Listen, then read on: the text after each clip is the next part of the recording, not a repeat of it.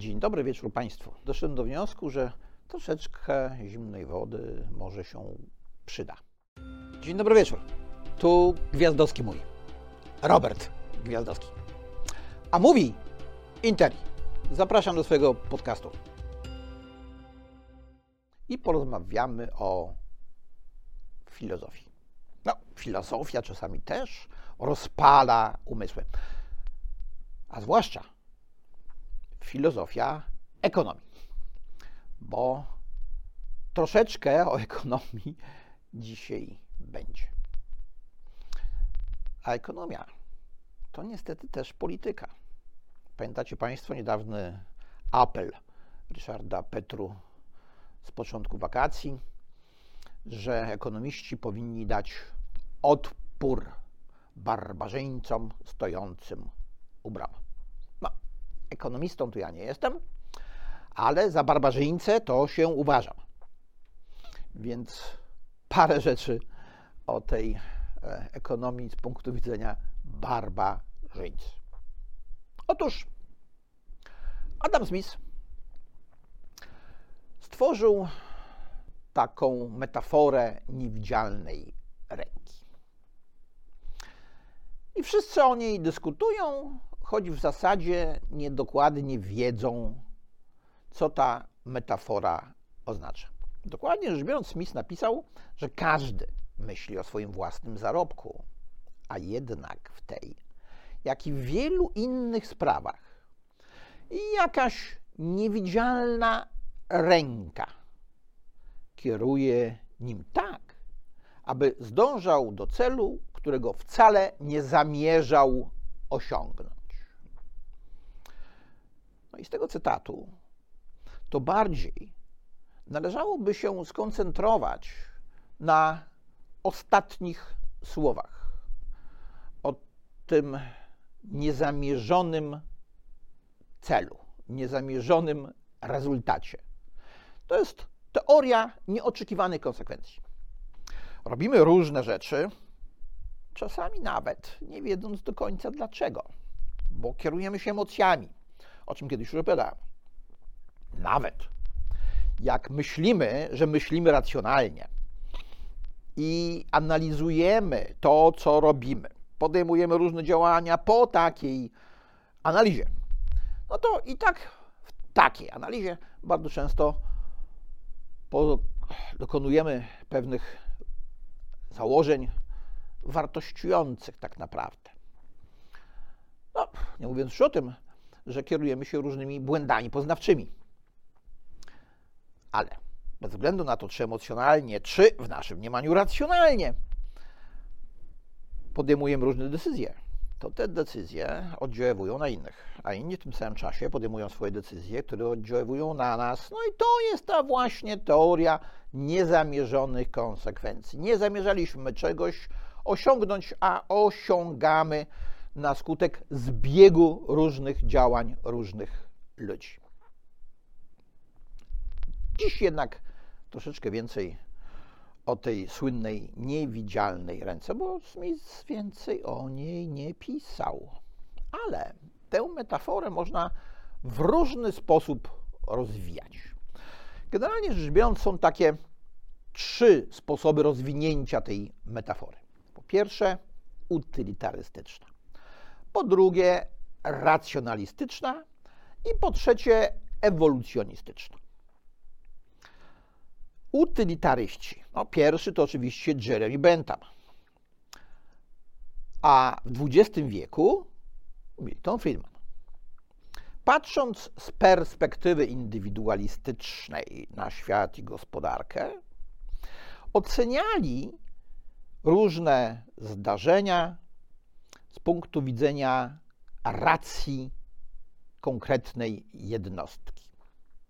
No, dosyć proste założenie, o którym jeszcze będę mówił. Z kolei racjonaliści. No, tu prekursorem był Dawid Ricardo, a w XX wieku e, Ludwig von Mises. Patrzyli na gospodarkę z perspektywy uniwersalistycznej, a wolny rynek uzasadniali racją powszechnego rozumu. Nie tam, co jednostka sobie myśli i robi, tylko co jest prawdą. To taka trochę platońska wiara przez nich przemawiała, że my możemy dotrzeć do idei, zwłaszcza do idei prawdy. Współcześnie to wiemy, że nie za bardzo się tak da, bo na przykład e, badania Antonio Damasio pokazują, że człowiek pozbawiony emocji to nie jest w stanie postępować racjonalnie. No i wreszcie perspektywa trzecia, perspektywa ewolucjonistyczna. No tu prekursorem to był bynajmniej nie liberał, tylko konserwatysta Edmund Berg. Patrząc z perspektywy kulturowej, oceniał wolny rynek racją konkretnej społeczności.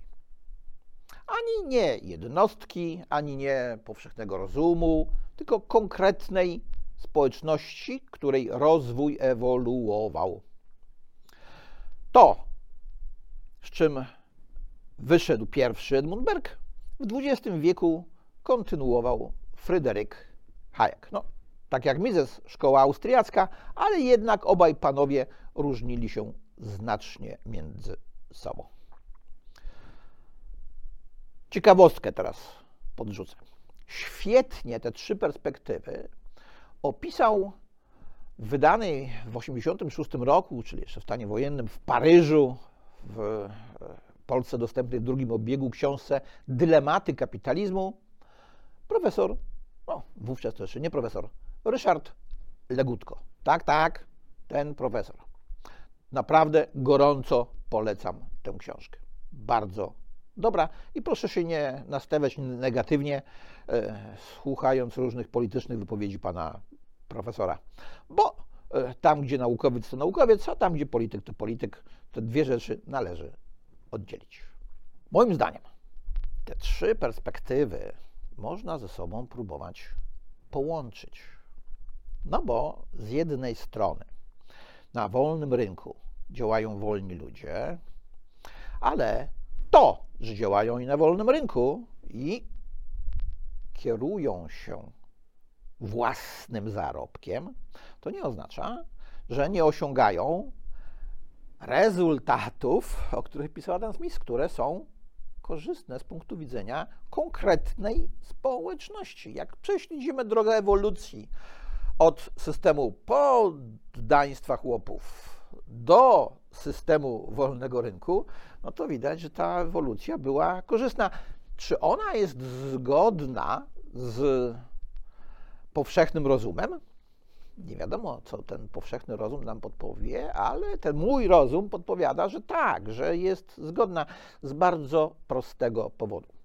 Można podchodzić do koncepcji racjonalności na różne sposoby. Adam Smith bowiem był jeszcze autorem takiej konstrukcji drugiej. Poza tą niewidzialną ręką e, pisał o człowieku ekonomicznym, o homo economicus. Ale też nic więcej nie pisał. Tę koncepcję rozwinął John Stuart Mill. Pisząc, co w zasadzie Smith by napisał, czy mógł napisać, jakby napisał. Ale nie do końca Mill miał w tym rację. Mill był przecież logikiem. Słynne kanony Milla. Więc patrzył na to z perspektywy logicznej. Jemu się wydawało, że człowiek racjonalny postępuje logicznie a niekoniecznie człowiek racjonalny postępuje logicznie. Dlaczego? Dlatego, że racjonalność to nie jest żadne prawo logiki. To nawet nie jest prawo liczb. Smith zaczynał w tym cytacie, że każdy kieruje się swoim własnym zarobkiem. Więc teoretycznie rzecz biorąc, racjonalny powinien chcieć zrobić więcej niż mniej albo stracić mniej niż więcej. Tylko, że tak się nie dzieje. Tak się nie dzieje, proszę Państwa, bo ludzie są emocjonalni, co wykazał Damasio. Ludzie są emocjonalni, o czym pisał już David Hume, z którym Adam Smith korespondował. Taki emocjonalny człowiek kieruje się emocjami i te emocje królują często nad jego rozumem. Ale tu się pojawia ten utylitaryzm Bentama, który pokazuje, że dla człowieka użyteczne może być coś, co wcale nie jest racjonalne w znaczeniu logiki albo w znaczeniu prawa liczb. Bo użyteczność to kierowanie się przyjemnością i unikanie przykrości, a to jest perspektywa czysto indywidualistyczna, właśnie ta, o której e, pisał Bentham, o której w XX wieku pisał Friedman. Perspektywa indywidualistyczna sprawia, że nasze zachowania są trudne do oceny dla zewnętrznego obserwatora. Znaczy, zewnętrzny obserwator uważa, że bardzo łatwo może eh, ocenić nasze zachowania i powiedzieć, czy one są racjonalne, czy nieracjonalne. Eh, tylko, że z punktu widzenia prawideł logiki albo z punktu widzenia prawa liczb, a nie z punktu widzenia użyteczności, którą coś ma dla nas. Bo prosty przykład z gry Ultimatum, o której tu już chyba kiedyś Państwu opowiadałem. Gra polega na tym, że dwóch grających dostaje do podziału jakąś kwotę. Dajmy na to 100 zł. No i jeden z graczy pierwszy wykonuje ruch. Proponuje podział tej stówy między siebie i drugiego gracza. Gra jest prosta. Jak drugi gracz zaakceptuje podział dokonany, zaproponowany przez gracza pierwszego, e, to gra się kończy. Obaj zatrzymują tą stówę według takiego podziału, jaki został zaproponowany i zaakceptowany. Racjonalny, kierujący się obiektywnym rozumem gracz numer jeden powinien graczowi numer dwa zaproponować podział 99 do 1. No bo drugi gracz ma do wyboru 1 albo 0. Jeżeli propozycji nie przyjmie, to może jednak lepiej wziąć jeden niż nic.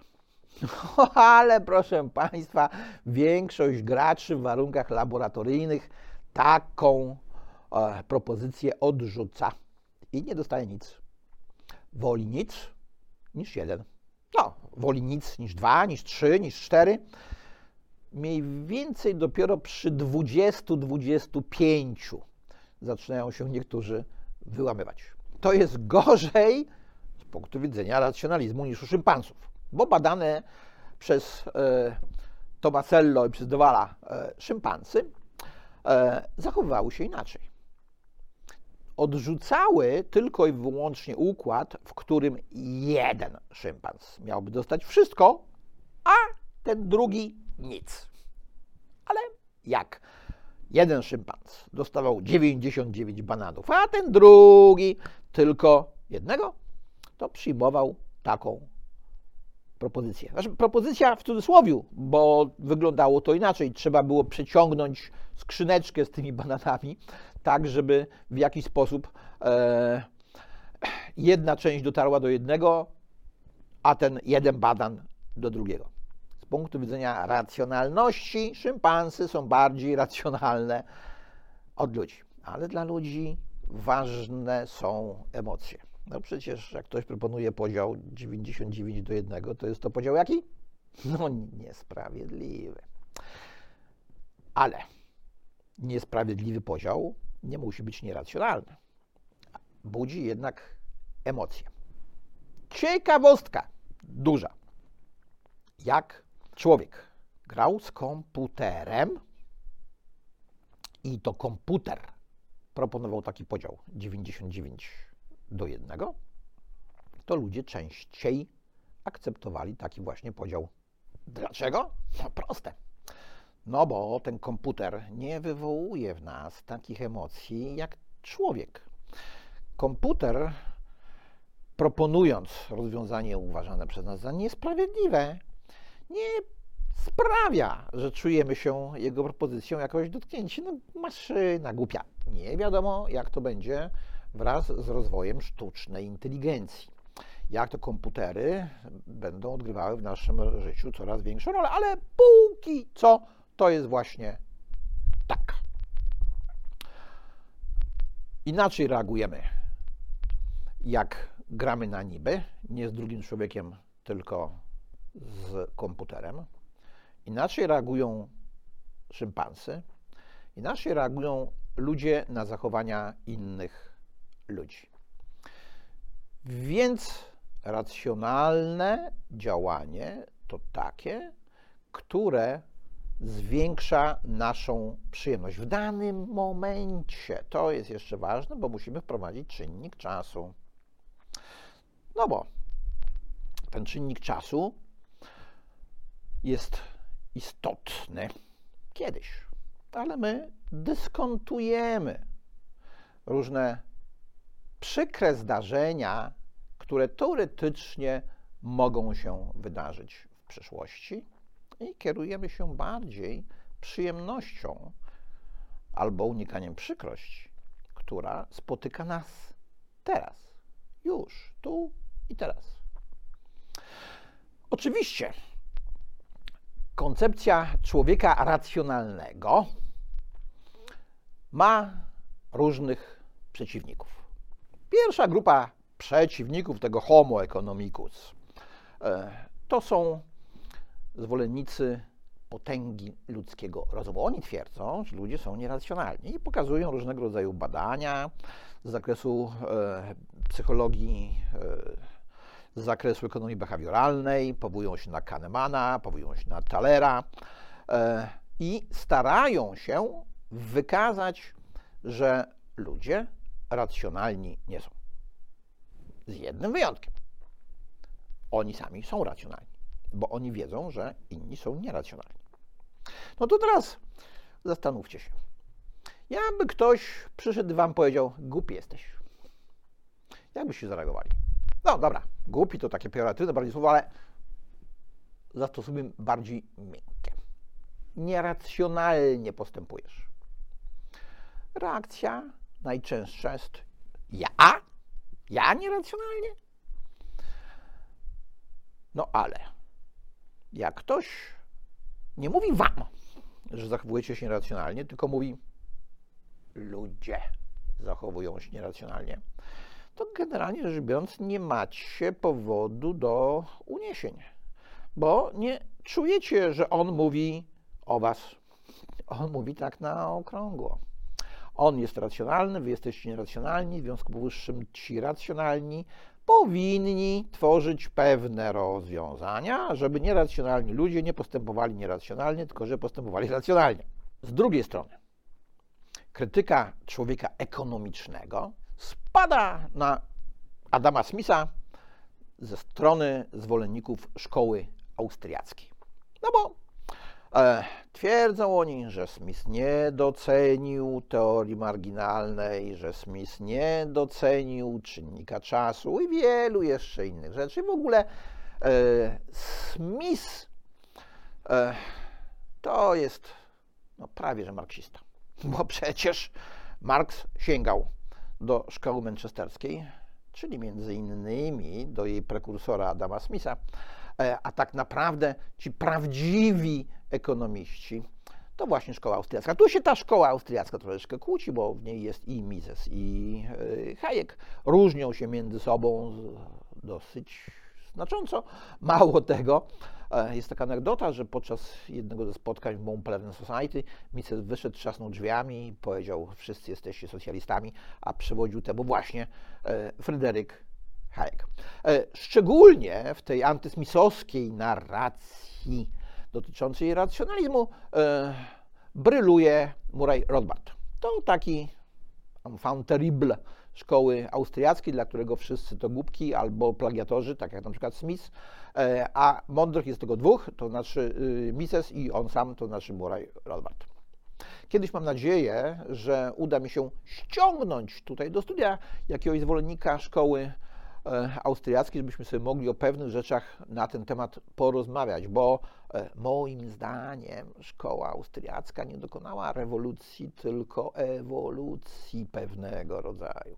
To troszeczkę tak, jak Einstein, tworząc swoją teorię grawitacji, nie do końca obalił teorię, bardzo praktyczną teorię Newtona, bo my dzisiaj w dalszym ciągu budujemy domy, kierując się e, prawami Newtona, a nie teorią względności, bez względu na to, czy szczególną, czy tym bardziej ogólną.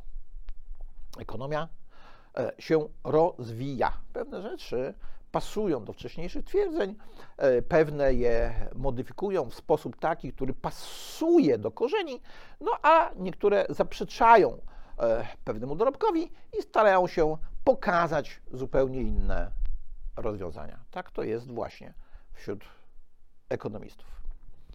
Ekonomia to nauka normatywna. O ile to w ogóle jest nauka. To podobnie jak prawo. Prawo, o ile w ogóle jest nauką, to nauka normatywna. To są rzeczy, które ze sobą się przecinają, bo ekonomiści, jak mają jakąś wizję świata, to potrzebują prawników do tego, żeby tę wizję urzeczywistnić. No bo najczęściej ta wizja świata jest inna od tej, która wynika z nieoczekiwanych, niezamierzonych konsekwencji Adama Smitha.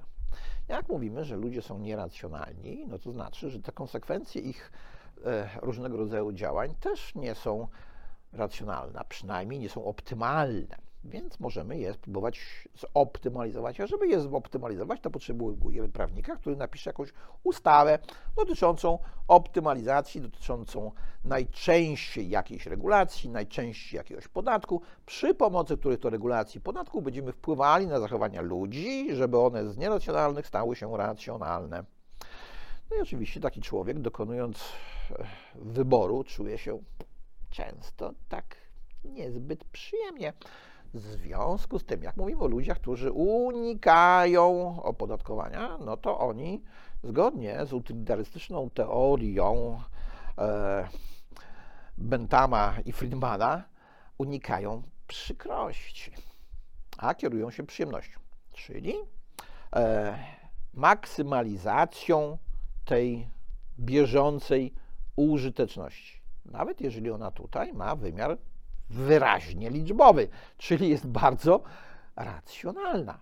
No bo jeżeli racjonalizm to więcej zamiast mniej, e, no to więcej pieniędzy versus mniej pieniędzy po odliczeniu podatków, co należy wybrać? No, należałoby z punktu widzenia racjonalnego wybrać więcej pieniędzy, czyli optymalizację podatkową. I ludzie tak wybierają, ale bynajmniej nie z powodu tej racjonalności która wynika z e, praw powszechnego rozumu, tylko właśnie z powodu ich indywidualnego podejścia do bieżących korzyści. I teraz troszeczkę praktyki. Otóż ekonomiści są w sporze sporze o to, co jest dobre, a co jest złe, co jest racjonalne, co jest nieracjonalne. Na przykład, jedni uważają, że powinno być więcej interwencji państwowych, drudzy uważają, że powinno być ich mniej. Jedni uważają, że trzeba prowadzić progresję podatkową, inni są zwolennikiem podatku liniowego, a są jeszcze tacy, którzy mówią, że w ogóle lepiej zlikwidować podatki dochodowe, zastąpić je podatkami pośrednimi. Czy racjonalnie jesteśmy w stanie ocenić, którzy mają rację, którzy mówią prawdę, albo przynajmniej którzy są bliżej prawdy? No, racjonalnie nie jesteśmy w stanie tego ocenić, zwłaszcza, że ekonomiści, podobnie jak prawnicy, kierują się wartościami. Tak, tak. Mamy geny, które odziedziczyliśmy. E, wychowywaliśmy się w jakimś środowisku. Po trzecie, mamy jakieś swoje własne doświadczenia. Te doświadczenia nakładają się na te geny, na to wychowanie i tworzą nasze różne przekonania o różnych rzeczach. No i dominuje tu jednak podstawowy spór. Czy skoro ekonomiści, tak jak różni ludzie, są różni, to czy powinni być różni, czy nie powinni? Tutaj wracamy do Hume'a. To Hume pokazywał zasadniczą różnicę między zdaniami e, opisującymi a zdaniami oceniającymi. I twierdził, że ze zdań opisujących nie można wyciągać wniosków powinnościowych. Takie zdanie. Ludzie różnią się między sobą. Ludzie są nierówni. No, prosta obserwacja pokazuje, że to jest zdanie prawdziwe z punktu widzenia logiki. Jeden wysoki, drugi niski, jeden chudy, drugi gruby, jeden brunet, drugi blondyn, jeden pracowity, drugi leniwy. Mało różnic? Ludzie nie są równi. No a teraz jest drugie zdanie. Ludzie powinni być równi. No i tu już nie wiadomo. E, czy to jest zdanie prawdziwe, czy nieprawdziwe. Takiemu zdaniu z zakresu aksjologii prawdziwości lub fałszywości przypisać nie można. Zwłaszcza, że jak ktoś mówi, że ludzie powinni być równi, to powstaje natychmiast pytanie, pod jakim względem oni mają być równi. A jesteśmy cały czas przy tych różnych koncepcjach e, ekonomicznych dotyczących uzasadnienia wolnego rynku, na którym działa niewidzialna ręka. Czy można zatem wierzyć ekonomistom? Albo czy można wierzyć prawnikom? Fizykom nie za bardzo można wierzyć, bo oni się kłócą między sobą. Tak naprawdę to tylko matematykom można wierzyć. Co prawda, matematyka jest językiem, który służy fizykom do opisywania ich teorii. Ekonomiści uważają, że matematyka powinna być językiem, który służy do opisywania ich teorii, i tylko prawnicy tacy biedni są, bo prawo jest językiem, który ma służyć wcielaniu w życie koncepcji ekonomicznych. Na szczęście nie można użyć prawników do wcielania w życie różnych koncepcji różnych fizyków a zwłaszcza astrofizyków. E, profesor Krzysztof Meissner e, genialnie o tym wielokrotnie mówił, że jakbyśmy pozwolili e, zmienić komuś jedną cyferkę na jakimś tam czternastym miejscu po przecinku w ciężarze czegoś tam, to by nastąpiła natychmiastowa anihilacja. Więc na szczęście e, fizyka nie jest normatywna. E, czy można by było sprawić, żeby ekonomia nie była normatywna? Nie. Nie można tego sprawić. Czy można sprawić, żeby prawo nie było normatywne? Nie. To z definicji prawo jest normatywne. Ale czy możemy znaleźć jakieś prawo, które byłoby prawem dominującym? i którym moglibyśmy się kierować, tak jak na przykład prawem grawitacji. Otóż jest moim zdaniem takie prawo, to jest wolność człowieka. I do tej wolności człowieka najbardziej pasuje ta utylitarystyczna perspektywa, na którą patrzyli niektórzy e, oceniając metaforę niewidzialnej ręki. Mówimy dzisiaj o prawach mniejszości. To ja przypomnę, że najmniejszą mniejszością jest jednostka. Tymczasem prawa jednostki z klasycznego liberalizmu zostały zastąpione prawami mniejszości. I o jednostce zapominamy. A nawet w jakiejś mniejszości jednostka musi się dostosować do większości w tej mniejszości. No bo jak jest grupa, to nigdy, nigdy nie ma identycznych poglądów na wszystko. Dlatego, jak już drodzy ekonomiści będziecie tworzyć te koncepcje, które mają porwać tłumy, to pamiętajcie proszę, że są ludzie, którzy myślą tak, i są ludzie, którzy myślą inaczej, i są ludzie, którzy wolą jeść jarmuż, a są tacy, którzy wolą jeść kotleta, są tacy, którzy wolą jeździć na rowerze i tacy, którzy wolą jeździć samochodem. Więc w społeczeństwie, zwłaszcza w gorącym okresie wyborów, szukajmy takich koncepcji, które mogą, zgodnie z zasadami utylitaryzmu, dać jak najwięcej szczęścia jak największej liczbie ludzi. I tego Wam życzę, drodzy ekonomiści.